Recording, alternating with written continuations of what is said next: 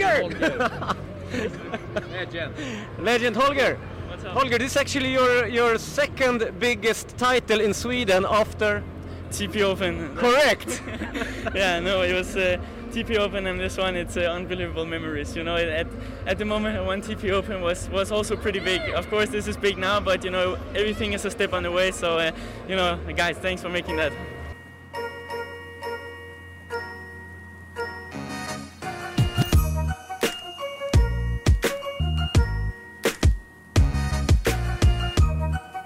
Då säger vi välkomna till ett nytt avsnitt av Source, Patrik Kragen. Det här blir en eh, summering eh, helt enkelt av Stockholm Open. Och till att börja med, hur mår du så här eh, två dagar efter tävlingens slut? Nej, men jag måste säga att, att det är klart att det känns lite tomt. Vi var ju verkligen varje dag på tävlingen och det blir lite så där att man, man går på liksom reservtanken nästan sista dagarna. Det är lite sömn och mycket tennis och jäkligt roligt. Så det är klart att det blir lite tomt efter och man känner att man är helt klart eh, trött eh, när man eh, på något sätt, eh, ja, ska ta igen lite sömn och sånt. Ja, ja det är klart. Eh, det är klart det är så. Och söndagen som alltid efter finalen där så är det ett eh, tomrummet bara liksom slår en på käften att fan, nu är det ett år ett år till nästa Stockholm Open. Det är samma visa varje år alltså. Ja, det blir det och speciellt som vi haft så jävla mycket roliga uppdrag under veckan också och eh, och dels vi har gjort mycket roliga intervjuer. Vi har ju vloggat, vi har varit speakers, så det, det är klart att det blir man har olika roller, springer lite fram och tillbaka. Eh, det är kul. Finalen vart ju enligt mig i alla fall en, en drömfinal. Var den finalen man ville att det skulle bli. Så att eh, det vart liksom verkligen. Ett, avslutades verkligen på topp så att säga. Nej, så jäkla kul med King, vår jävla gubbe Holger Rune alltså. Vilken, eh, vilken vecka han gör, vilken final han gör. Eh, man väntade lite efter en dipp där i finalen, för han spelade en sån otrolig tennis, Holger Rune. Men den dippen kom aldrig, utan han visade vilken jäkla maskin han är alltså. Otroligt. Ja, ja men verkligen. Han, eh, han höll en otroligt hög nivå i den finalen och, man såg ju hur frustrerad Tsitsipas var. Hans pappa var ju ännu mer frustrerad. Som i princip du satt varje... ju typ bredvid han, berätta. Ja, jag satt ju jättenära honom och hela matchen så pratar han med Stefanos och eh, pushar, eh, coachar, eh, snackar mycket grekiska blandat med engelska. Mamman försöker lugna ner pappan lite grann, men det är mycket liksom, adrenalin. Det märks att de, de har mycket kontakt med varandra. Eh, lite mer högljudd kontakt än vad, än vad Holger har med sitt team som liksom pratar med honom mer när han går och torkar sig med handduken. De, Holgers team sitter i ett hörn av banan medan eh, eh, Stefanos team sitter ju mitt bakom domarstolen så att säga. Ja, otroligt. Man har ju man har ju sett hur mycket Farsen har ju coachat alltså i andra matcher och spelare har klagat sådär. Så nej, intressant att du bekräftar det. Jag vet inte vart vi ska, vi har gått in lite på finalen här. Vart ska vi börja kanske med speakersjobbet som vi båda var delaktiga i? Eh, Absolut. Lite intryck hur det var, saker som folk kanske inte tänker på, hur det är att vara speaker. Eh, du kan ju ta taktpinnen här. Ja, men jag tycker väl att det är eh, framför allt så det handlar ju egentligen om att, att man ska introducera spelarna och, och söka upp lite, lite rolig fakta och, och, eh, och presentera dem med. Sen tycker jag att, att den, och det är egentligen inte, inte där det svåra ligger, utan, utan det svåra kan jag tycka är lite grann efter matchen att känna av vilka typer av frågor man, man ja. ska ställa till spelarna som är, är av intresse för publik, tv-tittare. Man får tänka på också att, att det är en eh, internationell eh, sändning som, man, eh, som frågorna går ut till via Tennis TV och ja, den här World Feed som den heter. Så att, så att de frågorna man ställer är ju de som, som kommer ut i, i världen så att säga. Eh, därav pratar man engelska till exempel med de svenska spelarna. Så jag skulle säga att, att, att man hade bara 90 sekunder på sig. Ska vi säga, ja, precis. Och det var också en sån grej att vi hade bara 90 på oss och man skulle helst bara ställa två frågor. Och, och i min första eh, intervju där med Holger efter hans första match, där stod jag och babblade med honom tre, fyra minuter och, och hade det trevligt och tyckte att... Vilken reprimand. Ja, fick en tillsägelse sen faktiskt för att, eh, att det var lite för långt, utan håll, håll det till 90 sekunder, håll det till två frågor, så att det var enklare för mig sen med, med Aslan Karatsev att köra två snabba frågor, vilket också gör att, att det egentligen eh, avdramatiserar mycket rätt mycket också att, att den första frågan blir ju väldigt naturligt om, om matchen kanske och, och fråga nummer två kan man tvista till lite och lite som du gjorde med Deminor. Ni hade en liten egen grej som, som, var, som var lite rolig och som även kommentatorerna i, i World Feed eh, tyckte var kul också. Kan ju du berätta mer om.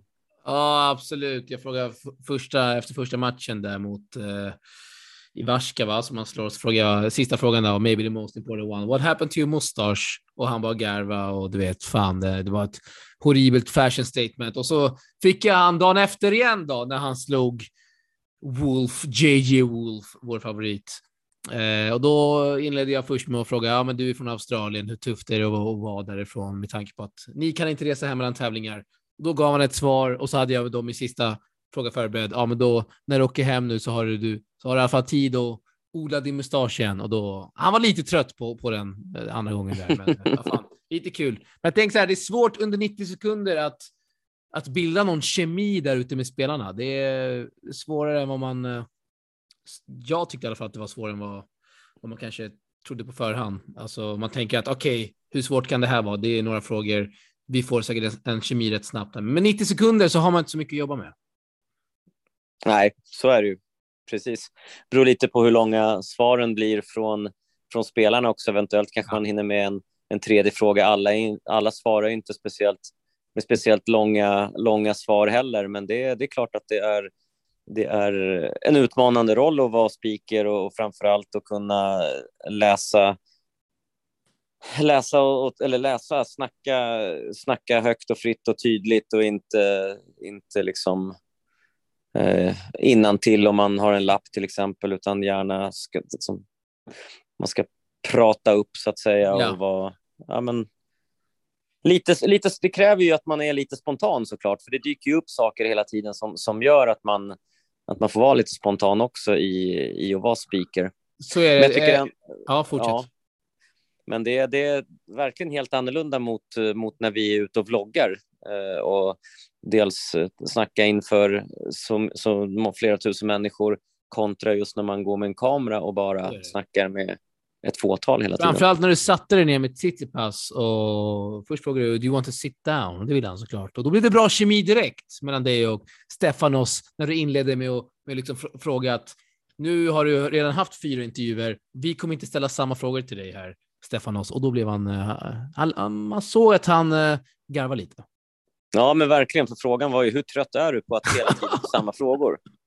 som vi då inte tänker ställa till dig. Så att, så att man börjar upp lite lätt. Det, det, det var skönt. Jag tycker att han var jävligt avslappnad också. Det märks att han är ju retoriskt eh, lagd, eh, väldigt djup. Han tänker mycket, han, han svarar väldigt eh, jag ska inte säga poetiskt, men han, han svarar ju väldigt... Nästan. Eh, ja, men, ja, nästan poetiskt. Det kommer liksom...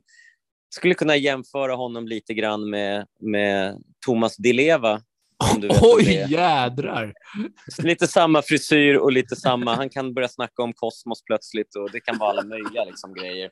Så att, eh, nej, han, han är skön, Tsitsipas, helt klart. Eh, gjorde, både han och brorsan ett väldigt, väldigt bra intryck. De kommer ihåg båda Tennisportalen, de kommer ihåg dig. Eh, och, eh, Petros hade Petros... skrämmande koll på Tennisportalen, måste jag ändå säga. Alltså, ja, han hade kollat, ja, han hade kollat en hel del eh, klipp faktiskt eh, vilket är superkul. Och han öppnade upp för att komma hit och lira någon gång ja. i försäsongsträna och kanske spela ett TP Open. Han har ett WC, det, så är det.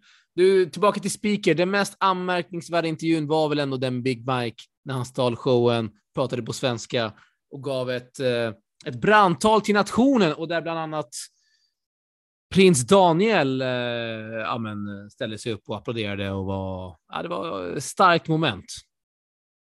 Det tycker jag verkligen. Han eh, gjorde någonting som ingen annan gjorde, det vill säga han dels tog han över och, och eh, valde att prata på svenska, eh, fast Ja. du hade ju blivit tillsagd att det ska vara på engelska. Eh, Micke vet ju också att det måste vara det. Han struntade i det, han ville visa sin eh, ja, kärlek till, eh, till publik och folk och ville förklara varför saker och ting har blivit som Det de var har helt blivit. rätt att han körde den på svenska. Ja, det är helt rätt. Och, och jag stöttar också hans tal och i intervjun efter så, så försökte jag fråga honom om det talet också, men jag, jag fick inte... Blev roastad. Ja, jag blev roastad. Jag fick inga... Jag vet inte om han, han tog, det, tog, det som, tog det negativt, men jag, jag sa det till honom verkligen att, att, det där, att talet var bra och att, att det verkligen kom från hjärtat och, och att jag tyckte det var fint. Så jag ställde frågan liksom om han ville även i intervjun eh, snacka om det för de tittare som Ja. inte hade sett, för det är så många som inte hade sett det talet som kanske gärna hade bara velat höra lite mer om det och var det kom ifrån och så där, förutom att det kom från hjärtat. Men, men eh, Men den roasten till dig visar ändå på att eh, spelare kanske lyssnar och följer det vi gör mer än vad vi tror. ja, så kan det vara. Sen, eh, sen har jag ju alltid varit ett, eh, ett fan av Micke och tyckt mer att det har varit jäkligt synd att han inte har varit i Stockholm just för att det är även min hemmatävling och en tävling Ja, som jag har varit på i så många år. Så det är mer av kärlek och av egentligen eh, ja, kärlek till tennisen som man, man vill se honom. Så det är egentligen inget mot honom som person så, utan det är mer att liksom man, man saknar, saknar saknat honom i Stockholm. Så det var, och jag tycker ju att nu när han är tillbaka efter tre år så, så, så har han ju han borde inte ångra det med tanke dels på att han, han gick till kvartsfinal, han fick spela en jävligt bra match mot Stefanos, han blev kompis med kungafamiljen, han blev eh, stöttad av Zlatan. Och det här är ju sådana här grejer som aldrig hade hänt om han inte hade spelat på hemmaplan, apropå det här som vi har snackat tidigare, att det är så jävla bra för hans varumärke att faktiskt vara på hemmaplan och inte spela någon annanstans, utan att eh, det liksom fick stöd av att han var här och det var en, en intervju där på SVT också som, som han själv enligt dem hade tagit initiativ till. Eh, så att det hände mycket kring honom. Ja, han gick gjorde- rätt å- hårt eh, åt honom, eh, gjorde de. eh. Ja, de gjorde ju det och det var det såklart, det ska han såklart, han fick såklart få de frågorna. Men man saknade ju någon fråga om hans sportsliga framgångar. Jag menar, det är ändå bara 73 spelare i världen som är bättre än han på tennis. Lite kring det kanske hade man eh, önskat också. Mm. Ja, precis, och det var det Zlatan kritiserade. Och, eh, eh, så det var precis så, så var det ju. Man hade velat ha både och där egentligen. Eh, så jag vet inte vilka, vilka svar som egentligen kom fram eh, ur, ur den intervjun mer än att Micke snackade om att han, han, han är sig själv och han eh, Ja. bryr sig kanske inte om så mycket vad, vad andra tycker utan han, de som har träffat honom känner honom och de som inte känner honom och vad de tycker, det spelar ingen roll. Men så här, de, de kommentarer man har läst på olika forum på, på nätet, liksom den hatstormen, den kände man inte ens var nära när Micke spelade under Stockholm Open eh, nu. Alltså inte någonting skulle jag säga. Och jag vet att du håller Nej. med. Nej, det upplevde inte jag heller, utan jag upplevde att han fick ett jäkligt fint välkomnande och, och Verkligen. folk hejade på honom och såklart och att, att han liksom skulle få en känsla snarare av varför har du inte varit här på tre år? Vi gillar ju att se dig. Vi, liksom, vi ska göra allt för att du, att du ska tycka att det är kul att vara här. Ja. Och, jag, jag tycker att han bars fram mot eh, ja, men första matchen mot, eh, mot eh, Haylis där, eh, eller Ali som det uttalas på franska. Eh, och Han var helt slut, ma- fransmannen. Han var helt slut.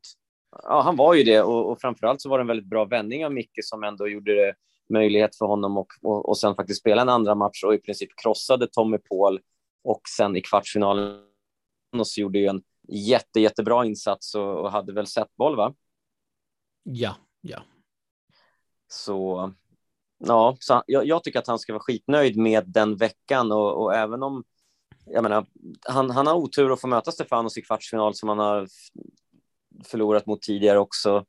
Eh, det här var väl, vad var det, deras tredje eller fjärde möte, Fem- 5-0 tror jag till och med som eh, kanske... Kan det vara så eh, mycket? Kan det vara 5-0? Stefanos. Mycket Ja. Marseille, Marseille, ska säga, Marseille, Australien, Australien, Paris Franska. och Stockholm. Ja, precis. Franska en gång, Australien två gånger och så Marseille, den som du var på. Det är fan fem dit. alltså. Ja, så det blir fem. Jädrar. Och det är otroligt. Ja, så att han ska vara både nöjd med sitt resultat, tycker jag, och även med allt runt omkring, just det här med, med kungafamiljen eller positiv energi och, och Ja. vet, kärlek från folk eh, runt omkring. Även från Tennisportalen. Ja, även från spiken. Ja, det, var, du, det måste ha varit jävligt kul för dig också att göra Ja. Big Mike eh, första gången, men även så fick ju du faktiskt den här otroliga torsdagen, hade ju du hela torsdagen, vilket är lite prestigedag att vara speaker på, därför att du får ju grymma dagmatcher och så fick du den här Ymers mot USA-kvällen där, du, där det var... Ja, ja. Eh, Det var mäktigt alltså. Det var mäktigt. Eh, det var alltså det, det bästa med att vara speaker skulle jag säga, det var liksom dagen innan man liksom satt och väntade på Order of Play nästa dag. Liksom, vilka matcher kommer jag få? här? Vilka matcher kommer jag få? Vilka spelare kommer jag få intra? Det var en jävla mäktig känsla, måste jag ändå få säga här. Eh, mm. Jag hade sån otrolig gummi, det vet ju du där i helgen när jag ställde dig hundra frågor. Eh, du har ett Mm. bra mentalt stöd, måste jag ändå säga. Ja, men jag tycker man ska ha gummi, men, men sen är det samtidigt så märker man hur snabbt, snabbt det släpper också. Man, Ja. man blir sig själv bara rätt fort och tänker inte på att, vad som händer runt omkring, utan man bara kör, eh, vilket är, är skönt också. Så var det. Så var det. Men du, andra svenskar än eh, Big Mike, om vi ska låta honom, eh, om vi är klara med honom, eh, så kan vi ta Elias, eh, tycker jag nu, för att eh, Ja. den matchen mot Francis Tiafoe var ju en av de matcherna som jag då inte såg, men jag vet ju att han ledde med 6-3, 4-0. Ja, det är väl breakboll fram till fem meter, någon boll. Någon, eh, Till och med det. där. Eh, och då Ja. tänkte man att det var klart. TFO, ganska sl- slapp insats. Eh, och Eli kanske blev nervös där i andra och då fick väl eh, TFO energi att komma tillbaka. Och så höjde han sig, amerikanen, när det var andra sets tiebreak och ett tredje sets tiebreak. Eh, men det är en match Eli bara ska ha såklart, det vet han ju om själv. Det hade varit så jäkla mäktigt att ha Eli i en kvartsfinal, för det är han ju värd. Som den fighter han är, Big Eli. Så att det var otroligt tufft att se han förlora den faktiskt. Ja, Han kämpade sig igenom en första omgång i, mot Oscar Otte som var en lång match, 6-3 avgörande set. Eh, och, och den här matchen mot Francis, det är precis som du säger, en sån här match som han behöver vinna, som hade gett honom mega mycket confidence och det här Ja. liksom skjuts upp till en kvartsfinal i ATP som inte han har varit i eh, på mycket länge. Jag vet inte när det var senast faktiskt. Han spelade spelade. semi i Pune. Ja, han just det. Då var det första veckan på året jag där. Eller när det nu var, Ja, femte han har veckan. väl... Han har Så aldrig de varit, flyttade den där tävlingen till efter Australian Open var det. exakt, så det var det veckan aldrig efter. varit i kvarten i Stockholm. Nej, precis. Eh, nej, precis. Så, så han hade verkligen behövt det nu när han jagar en, en direktplats i Australian Open. Och det gör ju mycket såklart att slippa kvala. Så att det sätter press på honom här nu inför de här inomhustävlingarna som är kvar eh, på Challenger-touren eh, här i, i vinter, då, eller under november ska jag väl säga, för sen blir det inga. Eh, så han har väl tre kvar egentligen, tre max fyra och spela eh, och plocka poäng på. Så det kommer vara oerhört tufft. Eh, och Spelar han den här veckan? Vad sa du? Nej, Spelar han den här han veckan? är, den här veckan chillar han. Okej, sen kör han ett race där. Ja, men det förstår Ja, man. han kör nästa vecka. Förstår Han man. drar till Bergamo, han spelar väl Bergamo nästa vecka va? Tror det, tror det. Det är ju den största challengern nästa vecka och han är Ja, han är åttonde sidad just nu om ingen dras ur i alla fall, så han kommer bli sidad i den tävlingen. Det är ju skönt såklart. Så han är anmäld där. Sen hade vi några svenskar i kvalet. Ja, alltså Friberg måste jag ju säga var ju eh, otroligt eh, imponerande med hur han dels krossar 110 rankade Pablo Andujar i första matchen Ja, och sen har fem setbollar mot asjobbiga Antoine Bellier som bara spelar serve och volley. Han gick fram på allt. På Fribergs servar, på egna servar. Så otrolig press på, på Carl Friberg att hela tiden passera. och, och var på topp. Så det är synd. Fem setbollar missade i andra set. Klart han grämdes över det. Eh, han förlorade 6-3, 7-6. Gjorde en kanonmatch, Berger som är topp 200 i världen. Var i semifinal i en ATP-tävling på Mallorca i somras. Så att, ja, men det här är verkligen någonting som, som Friberg ska ta med sig, även han, eh, i, i de kval han ska spela i Challengers här nu under november. Och det tycker jag verkligen. Han ska ju bara kötta dem. Uh, otrolig atlet, Friberg, som han glider där på banan. Det är... Han rör sig jävla bra, alltså, måste man ändå säga. Och har ett, uh, har ett stort spel i sig, så att... Ja, ja det är klart att han ska kunna vinna, vinna matcher i Challengers. Ja, men absolut. Han går ju upp till 442 i världen nu, hans högsta ranking, och, och det är ju en ranking som kommer in honom i, i väldigt många Challenger-kval eh, som det ser ut just nu. Ja. Så det är riktigt grymt. Ja, det är Jonte Merida som eh, påminner mig här nu vem han förlorade mot i kvalet. Jason Kubler. Just det. Eh, det var ju speaker i den matchen. Tuff ja. lottning. Det är ju tuffast tänkbar lottning i, i kvalet där. Eh, ja, det är det helt klart. An, andra sidan, 100-rankad eh, Kubler ja. och och eh, han, Kubler som kvalade in sen också gav Garin en, en match i, i, första omgången som han förlorade. Men Kubler har haft ett mycket, mycket bra år. Fjärde omgången i, i Wimbledon. Han har slagit Ogier Aliasim, så att jag menar, det är klart att det var en tuff lottning för, för Jonte, men en perfekt genomkörare och möta en spelare av den här kalibern kommer hjälpa honom framåt här också nu eh, under de här challengerna. Tyvärr, Jonte har droppat ner till, eh, till 600 i världen nu, så han, han behöver verkligen eh, plocka poäng här i november för att ta sig upp igen. Han åker ju nu på tre veckor till Japan och eh, försöker spela Challengers där, eh, som även då Filip Bergevi och hans dubbelkompis Petros Tsitsipas ska göra. Och på tal om Jontes var han ju och sparrade hela veckan sen eh, med, med Pimpin då som, som coach. Eh, jävlar vad han körde, både Jonte och Pimpin faktiskt. Eh, bra ja, det var imponerande. Det var åtta timmars eh, sessioner, nästan åtta timmar om dagen typ, som, som det blev. Han sparrade mot väldigt många, ja, bland annat flera gånger då mot, mot Tsitsipas, men mot, mot fler. Och, ja, vi såg ju Pimpin bland annat få serva mot Tsitsipas. Tsitsipas skulle öva returer mot någon som kör serve och volley och då var det Pimpim som fick låtsas vara Cressy då som Tsitsipas skulle möta till exempel. Så var det bättre än Cressy typ? Ja, nej, Pimpim otroligt vad han fortfarande är vältränad och bra. Ja, det var helt fantastiskt. Och kul att se att Jonte samarbetar med Pimpim och Jonte också har ett, ett samarbete som jag vet inte, du kan berätta mer om Alex, eh, enligt det här PACE som det heter, som, som Pimpim har som ett eh, projekt där, eh, där Merida då är den första testpiloten i det här projektet kan man säga. Jag ska vara ärlig och säga att jag inte är superpåläst kring det här Pace med att jag skummade igenom Pimpims inlägg, men det är alltid kul när det kommer upp nya grejer här i svensk tennis, helt klart. Ja, verkligen. Det handlar om att Pimpim vill ge tillbaka till svensk tennis och vill framför allt ge tips och råd och lite coaching eh, till de spelarna som eh, som är lite på väg upp och som kanske ska ta det här steget mellan Future och Challenger och som kanske Bra behöver namn, det här sista, Pace, sista lilla extra. Bra namn. Pace. Ja, verkligen, verkligen. Passar ju jättebra för en sån snubbe som Pim Pim, som är Mr Ace. Ja, sen uh, tycker jag att vi, om vi, är vi klara med Jonte eller? Eh, ja. För att Leo Borg gjorde ju en fantastisk insats nämligen, som ingen trodde att han kunde pressa Tommy Paul så som han gjorde. Tommy Paul som vann ah, förra året. Leos två matcher på ATP-touren har båda varit mot Tommy Paul.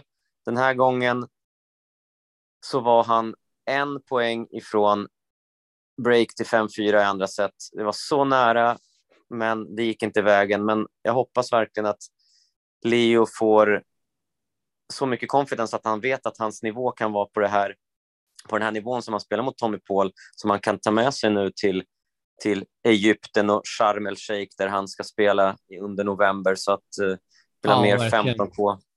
Ja, men det är kul att se att han har utvecklats så pass mycket som han gjort, Leo. Det var en helt annan helt annan tyngd i slagen, i serven, i forehanden. Framförallt forehanden eh, smällde till jäkligt bra. Det var ju några missar där som fällde avgörandet, men eh, han visar, att, visar ändå att han eh, utvecklats riktigt bra. Eh, sen så läste jag några kommentarer på Facebook, typ att ah, men nu kan han utmana topp 50-spelarna. Nej, han måste, han måste vinna på Future Touren först, lite titlar där, men men eh, fin utveckling på Leoborg. Alltså, det är ett av ja, veckans utropstecken, helt klart. Han borde vara redo att vinna en 15K nu eh, efter det här verkligen. spelet. Han var otroligt självförtroende.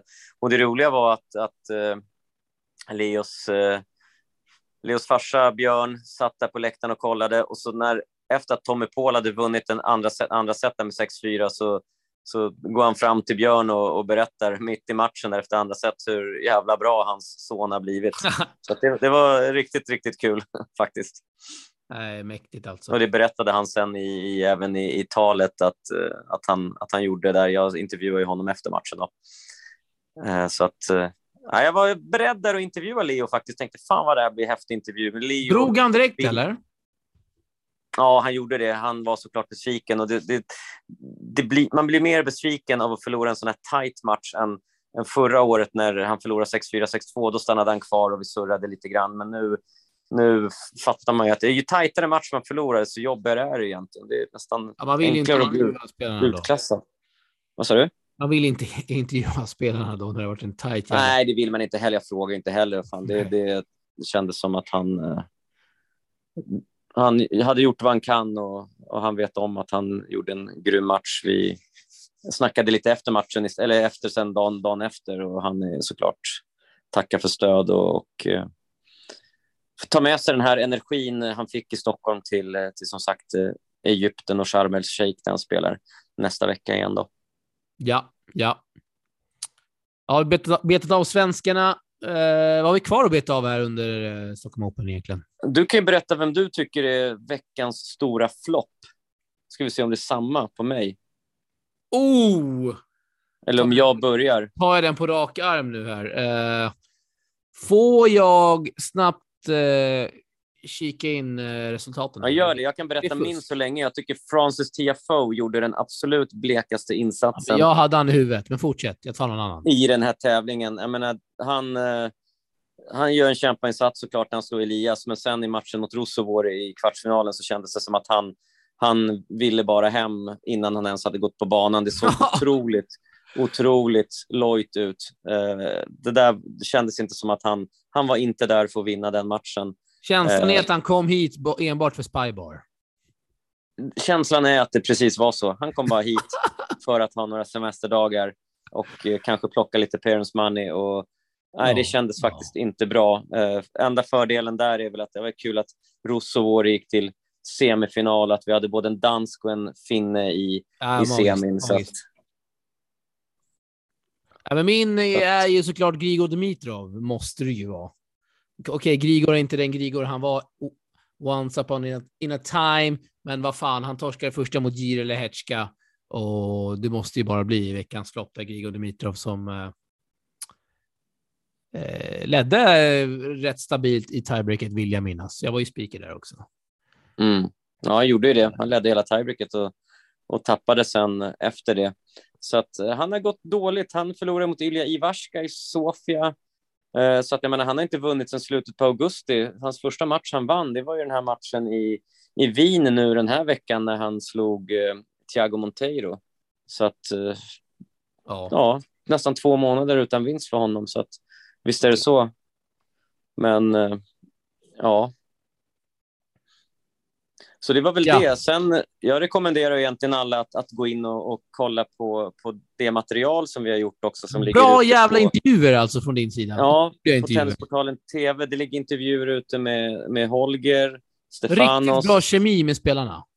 Ja, men jag tycker det. Jag tycker att det var bra intervjuer. Som sagt, eh, Emil finns det intervjuer med också. Uh... Alltså det började ju det började med Renard där. Otrolig intervju med Renard. Ja, men precis. Vi började lite på kvalet och, och avslutade sen mot, eh, mot slutet på veckan också. Eh, alla möjliga. Vi, det, vi har blandat både kvalspelare och toppspelare som, ja, men som Holger och Stefanos och, och Emil. Allt till eh, liksom Rossol, eh, Zumur, Ja, men de var ju sköna. Rossol, Kubo, Bellier, Bellier. Fan, det var bara bra intervjuer hela veckan. Kommer i vloggen. Pim-Pim också. Så det var, det var tycker jag, en bra... Blir en bra vlogg som du kommer få redigera och du brukar vara grym på det jobbet. Och ta din tid. Eh, det är ingen brådska. Alla Nej. behöver en paus. Sen kommer den i... Det är som julafton. Den dyker upp där i, i brevlådan när som helst inom några veckor. Det brukar Exakt. vara jäkligt kul. Ja, det kommer vara en timme lång i alla fall, så kan man eh, sitta och avnjuta den som ett Netflix-avsnitt. Så att eh, den kommer bli bra, Patrik. Det var, var kul att vlogga var det. Jävla kul att Ja, vlogga. det var det. En Kul med, Patrik- kul med alla random Hörru, fans som kom fram och tackade och snackade och alltid, alltid uppskattat. Herregud. Tar vi inte Ja, du, det var en hel del faktiskt eh, i alla åldrar, eh, både kids och, eh, och äldre, vilket gör att det är, så, det är, så, det är roligt att, att det är så otroligt stort spann på folk som följer Verkligen. TP och, och, och det som produceras. Det, man, blir, man blir jätteglad och det är verkligen en extra energi. Så är det. Du, vi har egentligen bara en sak att slänga in här innan vi tackar för oss. Vi har inte ens näm- nämnt supercoachen. Hur många minuter har vi kvar? Just det! Ja, men vi kan ju... Herregud. Patrick Moratoglu tackade nej till vloggen. Vi går fram till han, vi hittar han i katakomberna. Frågar Patrick, kan vi vlogga med dig? Och då svarar han, what's the purpose of this? Jag tror att han trodde att vi skulle pranka honom faktiskt. Ja, kanske. Men eh, när jag... Det var Eh, ett märkligt, eh, hela, hela liksom, hela snacket med Moratoglu där under en minut, det kändes bara så jävla konstigt alltihop. ja, det var, han var Han garvade och han var ju lite seriös och sen såg han stenallvarlig ut. Sen garvade han igen. Ja, Det var bara så jäkla konstigt. Han kanske var arg på mig efter att jag hade hälsat på honom första dagen där när de var och tränade Holger och vi snackade med Holger och, och hans mamma och så kom Patrick fram och så, så ja, men skakade hand och sa ja, Patrick, sa han, I'm Patrick. Nej, det var han, han sa Patrick, då sa jag också I'm also Patrick, then it will be easy for me to remember your name, sa jag till honom. Så att, jag sen kom jag på att fan, jag kanske förnedrar den här supercoachen så att han tror att jag inte vet vem det var, men Så det var han gjorde direkt efter finalen, typ efter prisutdelningen. Tar, eh, tar han pokalen och liksom, kom nu, nu ska vi ta en jävla bild där. Jag går först. Jag går först och tar den här pokalen.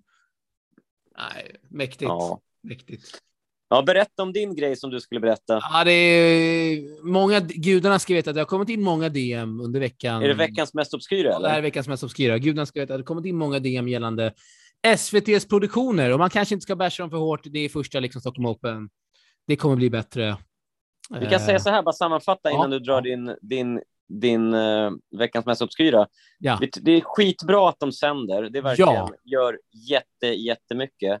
Sen att kvaliteten, ja, men kvaliteten på, på de som har skött sändningarna har ju varit för dålig. Men som sagt, det spelar ingen roll när de Jag ändå tänker så här, inför nästa år kanske man tar in folk som, eh, som följer tennisen. Ja, lite mer så, så att det inte blir det här med att helt felaktiga uttal på spelare. Han heter inte Kabler och Christian Garin heter inte Garin. Eh, det, det kan vara liksom Freund alla heter möjliga. Freud. Ja, Freund, heter. Freund heter Freund. Ja, exakt. Det var mycket, mycket konstigt och, och just det här. Nej, den här spelaren inte, känner jag inte jag till. Vet du någonting om honom? Nej, jag känner inte heller till honom. Så att det, det blir liksom så här. Man, Man kanske kanske inte skulle se gjort- det när man har, eh, när man Lite har mer research. en miljon eh, tittare. Ja. Eh, ja, eh, så här. Det, kan, det här kan vara den sämsta anekdoten man har hört. Det är då SVTs programledare som... Eh, ja, först ber han, ber han om ursäkt till eh, kontrollrummet där för att eh, han går ifrån körschemat och säger nu liksom att jag måste få berätta den här anekdoten. Eh, och jag kommer inte dra den här, utan jag kommer klippa in den så folket kan höra för de som inte har lyssnat. Förlåt till kontrollrummet och Blomman som sitter där och alla, alla ni som vill höra mer om, om själva eh, tennisen. Jag måste bara delge en historia som jag själv hade med eh, John McEnroe när jag var 2011 på plats i, eh, på Franska öppna. Jag träffade John McEnroe, jag frågade honom om jag kunde göra en intervju. Really? Now? Jag bara, ja men det, om det är okej, om det funkar. Okej. Och sen så svarade han lite pliktskyldigt. Vi var jättenöjda, vi kablade ut den intervjun. i nä nästa skede, eh, då tänkte jag så här, ja men okej, nu, har jag mjuk, nu, nu har jag träffat McEnroe, nu kanske jag kan fråga honom igen om en intervju. Gick fram till honom, Mr McEnroe, can I ask, ask you a couple of questions? No. Svarade han. Jag bara, I just want one question, I'll be fine with that. No. So, so no questions at all. That's right. Vad säger du? alltså det där det här skrattet, alltså, han skrattar åt sig själv och ingen annan runt omkring honom. De bara kollar på honom att fan, vad var det där? alltså, först ser man att Gusten och Johanna, de, liksom, de laddar för en jävla bra anekdot och sen märker ja. man att fan, det kom, de, det kom ingen slutkläm. nej. nej, det var, det var otroligt alltså. Slutklämmen, det var att McEnroe sa nej till en intervju. Ja, precis. precis. Otroligt. Den kan vi köra om, eh, om då Cressy som sa nej till oss kan vi dra som anekdot någon gång och sen garva skitmycket åt oss själva och ja, ja typ så. Otrolig anekdot. Den här har ju spridits rejält på Twitter. ja, det förstår jag. Det är bra jobbat Alex. Du är grym på det där. Det är kul. Det är kul. Du, eh, det var avsnittet eller?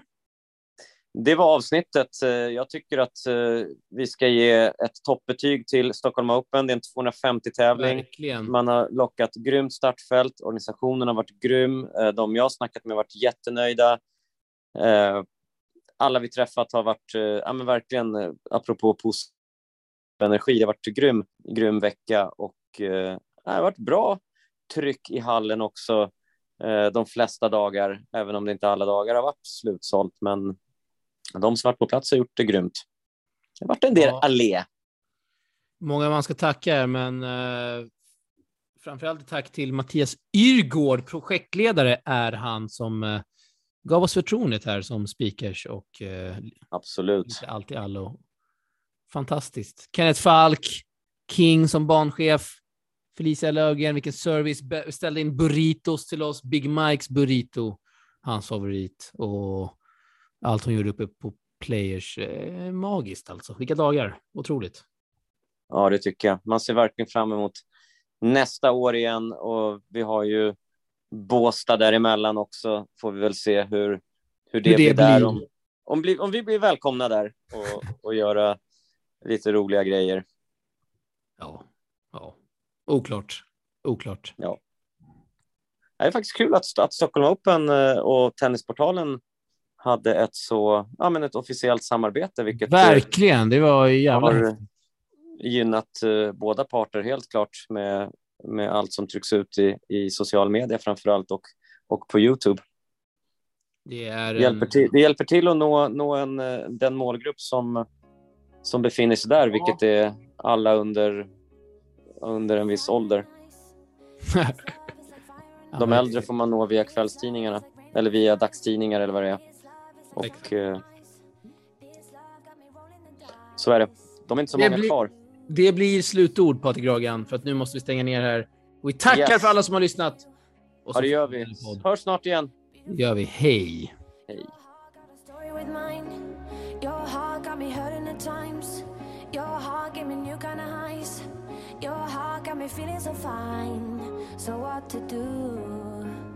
Still falling for you still falling for you.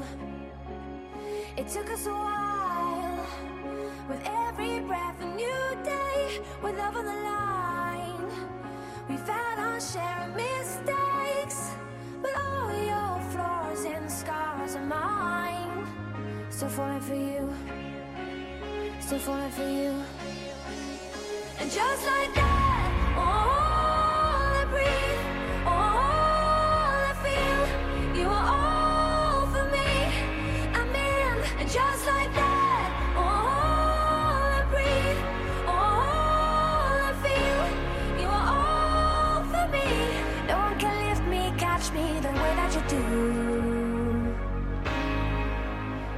falling for you. Brighter than gold, this love shining brighter than gold. This love is like letters in bold. This love is like out of control. This love's never growing old. You make it new. Still falling for you. Still falling for you. It took us a while. On the line. What